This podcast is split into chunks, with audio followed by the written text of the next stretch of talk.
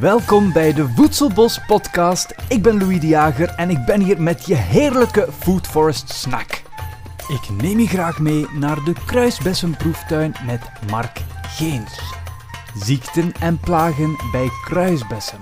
Kijk, ik zie hier zo'n blad dat wat aangevreten is. Ja, haha, mijn aardsvijand. Is dat jouw artsvijand? Het zijn zo van die hele kleine rupsjes. Het is moeilijk om te zien. Ja, die zijn net uit. Dat zijn larfjes van de bastardrups. Ja. Dus, en als je heel goed kijkt, zie je hier nog die witte eicapsuletjes liggen. Ah ja, inderdaad. Dus, en dus, die zijn net uit. En eigenlijk zo herkennen we ze het makkelijkst, omdat je plotseling een blad hebt dat allemaal kleine gaatjes vertoont. Dus je Mhm. ziet dat blad, allemaal gaatjes. En nu zijn ze makkelijk te vernietigen als je wil. Dus je kunt of met de groene vingertechniek doen, gewoon ze plat wrijven, Ja. of je legt ze op een steen en je zet je voet erop. Oké, dus gewoon eh, kapot wrijven dit, eigenlijk. hè. Dat is de groene vingertechniek. Eh, trouwens, hoe krijg je groene vingers?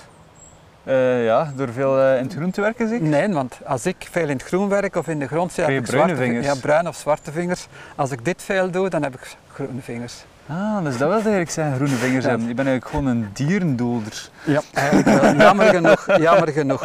Maar de, dus de, het is een wespje. Het is, Ja. een, het is een bladwesp die eigenlijk het volwassen insect, iets van een 6, 7 mm groot. Maar dat is klein. Ja, dat is een heel kleintje. En die legt zijn eitjes erop. En de meeste mensen herkennen, vinden ze vaak met op zo'n kaalgevreten tak. Zo zie je. En dan heb je enkel nog de bladsteeltjes en soms ook de nerfjes er nog aan zitten. Ja. Dus ze eten alles weg. En vaak zitten er dan rupsjes op, hè. het zijn eigenlijk bastardrupsjes, van een 2 centimeter. En Ja. op dat moment zijn ze eigenlijk volgroeid. Zijn ze in hun laatste vervallingsstadium. Ja. Dan laten ze zich op de grond vallen, kruipen in de grond en verpoppen daar. Ah, En dan komen ze een aantal maanden later, dat zijn drie generaties op het jaar. Dus de eerste generatie van, hebben we in april gehad. Die gaat vaak ongemerkt door, omdat de struiken dan heel sterk eh, groeien. Ja. Nu kunnen ze, op het moment dat de bessen er zijn, kunnen ze de struik bijna volledig ontbladeren. Dan heb je enkel een struik met bessen. Die loopt dan meestal nog eens terug uit. En dan in september is de laatste generatie die overwintert er. maar Dus maar, je hebt drie generaties. maar heb je dan niet eh, het gevaar dat hier toekomt en dat op een dag gewoon alles... Wel, we houden ze, op het moment kunnen we ze eigenlijk gewoon met de groene vingertechniek onder controle Dus je loopt hier gewoon... Ik loop hier regelmatig door en dan nog ontsnappen er, maar dan vang ik de grote rupsjes, maar die nijp ik niet plat. Die gooi ik in een, in een emmertje en die ik, vernietig ik op eh, een iets andere manier. Op de, onder de voet. Onder de voet. Amai, ja. Ja, ik heb geen kippen meer, dus eh, die eten ze niet. ja. Dus en dan ja. zaten de kippen die op. Wel, gedeeltelijk. Ze lusten ze niet altijd. Hangt af van het kippenras. We hadden een kippenras die het Ja. had, een ander kippenras die wilde het niet eten. Dus ja. Ja. En dus ja, je hebt hier ja, een toch... Kan, het- ik weet niet of ik dat hier een monocultuur mag noemen, want het zijn allemaal verschillende soorten, maar het zijn toch allemaal Het kruisbessen. zijn dus allemaal kruisbessen. ik neem ja. aan dat er wel iets van ziektegevoeligheid kan zijn. Eigenlijk hebben we enkel op Amerikaanse meeldoorn na hebben we eigenlijk geen problemen met eh, ja, en bladvalziekte kan ook. Oh, En wat is dat, bladvalziekte? Bladvalziekte, eh, dat ziet er zo uit. Voilà. Komt er zelfs direct los. Dus Maar- je krijgt van die gele tot bruine vlekjes erop. Mhm. En het blad verkleurt vaak helemaal, soms zo in mozaïek. Ja. En dan valt het gewoon af. En dat kan zijn eh, dat, het tegen, dat je augustus terugkomt dat die struik volledig kaal is. En Dus in principe zou je die moeten met een fungicide behandelen. Of een, dat is een soort schimmel die erop dat is een zit. schimmel. Maar niet iedere soort heeft daar al last van. Dat is dan een Nee. B of een C dat je Nou, plant. ik zei het, er zit verschil in van ras tot ras. Eh, ook niet elk jaar is hetzelfde. Het zit heel sterk in het seizoen. Maar, Dus, eh, en eh, er zijn ook biologische producten tegen om dat te voorkomen. en, maar daar doe je zelf niks tegen. Nee, ik, eh, ik heb heel goede resultaten gehad bijvoorbeeld met compostthee. Je erop spuit? Of? Die erop, ja, compostthee die- thee die je erop spuit. Je kan ook even goed werken met verdunde melk. Een beetje melk oplossen in water en dan erover. En dan met zo'n spuitbusje Met een spuitbusje of, met een rugspuit? rugspuit, afhankelijk van hoeveel dat je er hebt en hoe je, hoeveel werk dat je doen. melk? Verdunde melk. Koemelk Wat- gewoon. Ja, Ja. wat doet dat? Dat maakt eigenlijk dat er nuttige bacteriën of schimmels opgroeien, dat de schimmel die schadelijk is niet kan groeien. Het is niet omdat ze lactose intolerant zijn. Dat denk ik niet. Ik weet het eigenlijk niet. Of dat het melkzuur verhindert, dat zou ook kunnen. Maar het is ook met compostthee, het, is ook met, het zijn ook chemische producten. Als, Ja, ja. En die compost die op basis van wat is dat? Van brandnetel? of compost. Van compost? Wij werkten gewoon met onze compost. Ja. En eh, op bijvoorbeeld mensen die een wormenbak hebben, die Ja. kunnen dat ook gebruiken. Het eluaat dat Ja. er doorlekt en dan dat, dat gewoon verdunnen en daarover Ja. spuiten. Het probleem is met dit type weer van dit jaar, regen, een dag droog, regen, dat je continu terug moet doen. Ja, ja, ja. Dus dat je het niet kan voorblijven. Het zou, moeten, het zou moeten na een regenperiode zijn dat, dat je het behandelt en dan En dat het droog opdroogt. Ja. voor een paar weken. Ja. Ja. En dat, wit bak, eh, dat groen bakje hier, ehm, wat doet dat? Dat is eigenlijk eh, ja, eentje dat blijven hangen is, dat eigenlijk weg mogen zijn. Dat gebruiken we tegen de beste glasvlinder. De bessen glasvlinder. Ja, dat is een vlinder die ziet er meer uit als een wesp. Ja. Dus eigenlijk een heel smal insect, een beetje de lengte van een wesp. Ook die zwart, zwart met gele ringetjes, het is omgekeerd, maar het ziet er een beetje wespachtig uit. ja. Het ziet er eigenlijk niet uit als een klassieke vlinder. Ja. Het heeft ook vier vleugels zoals een vlinder, maar die zijn doorzichtig. Ah ja. Vandaar Glas. glasvlinder. Ja. En wat doet hij? Die vliegt mei, juni. En dan eh, eh, legt hij zijn eitjes, het vrouwtje legt eitjes op de houten gescheuten van bessen. Mhm. Dat, rupsje, eh, dat eitje komt uit, dat rupsje dat erin zit knaagt zich naar binnen en eet het mergkanaal leeg. En wordt daar geleidelijk aan groter in.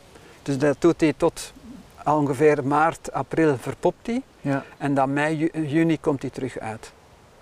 En meestal sterft de stengel dan af boven het gat waar dat die buiten komt.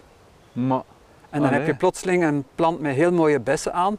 Ook bij, vooral eh, zwarte bes en rode bes zijn gevoeliger dan stekelbessen. ja. En dan heb je plotseling zo'n een tak die helemaal dood gaat. Dan hangen er mooie bessen aan. Soms beginnen ze al te kleuren. In juni heb je al hè, vroege rassen van rode Ja. bessen. En dan plotseling sterft die af. Maar, En dan als je goed kijkt, dan kun je vaak eh, de, het uittreden gat vinden eh, als je weet waar je moet Ja. naar kijken. en zijn er, zijn er soorten die minder of meer ziektegevoelig zijn of niet?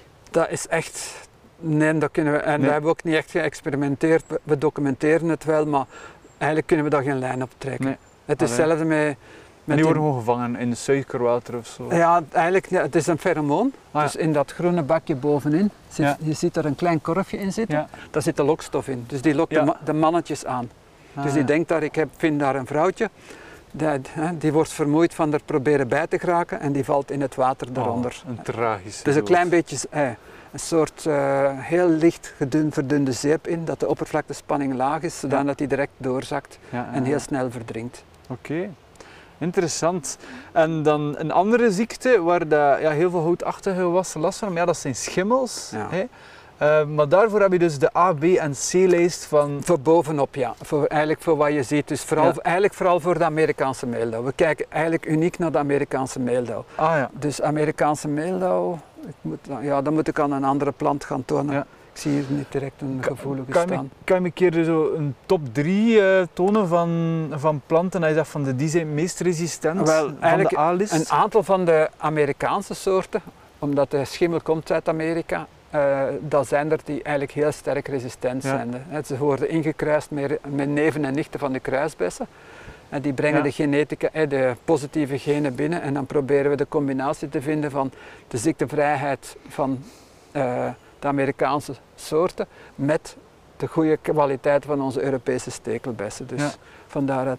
Hè, dus een typisch voorbeeld van een Amerikaanse die heel goed resistent is, dat zie je met die zwarte bessen. Die zijn nu mooi aan het aanrijpen. Die hier? Die, ja.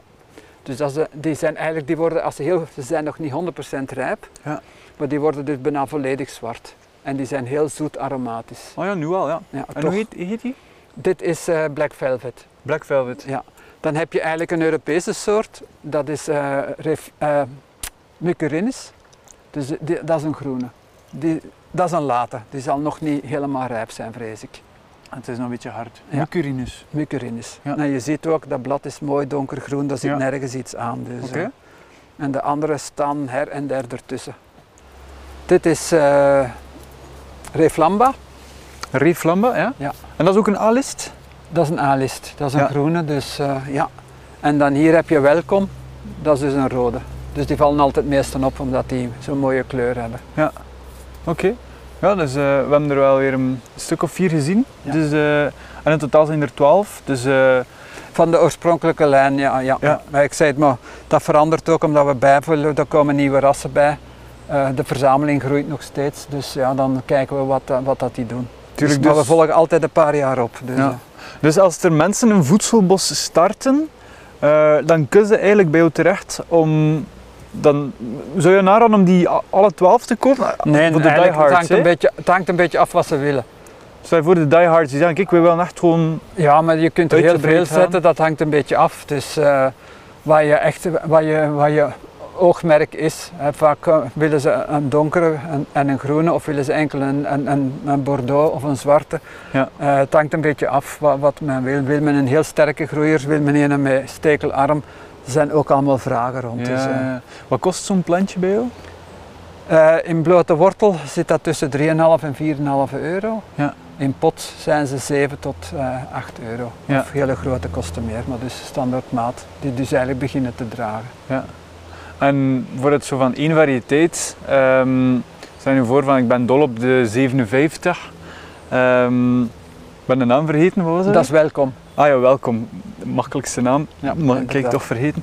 Eh stel je voor ik zeg van ja, goh, ik wil echt gewoon ja, honderden er hebben. Heb je er zoveel in bloot Nee, dat of- moeten we dan echt eh, vooraf. Ja, eh, Dan moet je zeggen van... Grote aantallen kunnen we niet aan. We hebben ons over de jaren eigenlijk vooral gericht naar de particuliere markt en tuinaanleg. Dus dat zijn Ja. nooit die grote aantallen. Als er iemand komt voor eh, eh, echt een professional die zegt ik moet er tientallen hebben, dan zitten we vaak in de problemen. Ah, ja. Zijn dat routinerassen, dan kunnen we ze eventueel nog bij een collega weghalen. Ja. Zijn ze wel niet natuurvriendelijk gekweekt vaak, maar goed, dat is een ander verhaal. Eh, maar ja, dat is de keuze.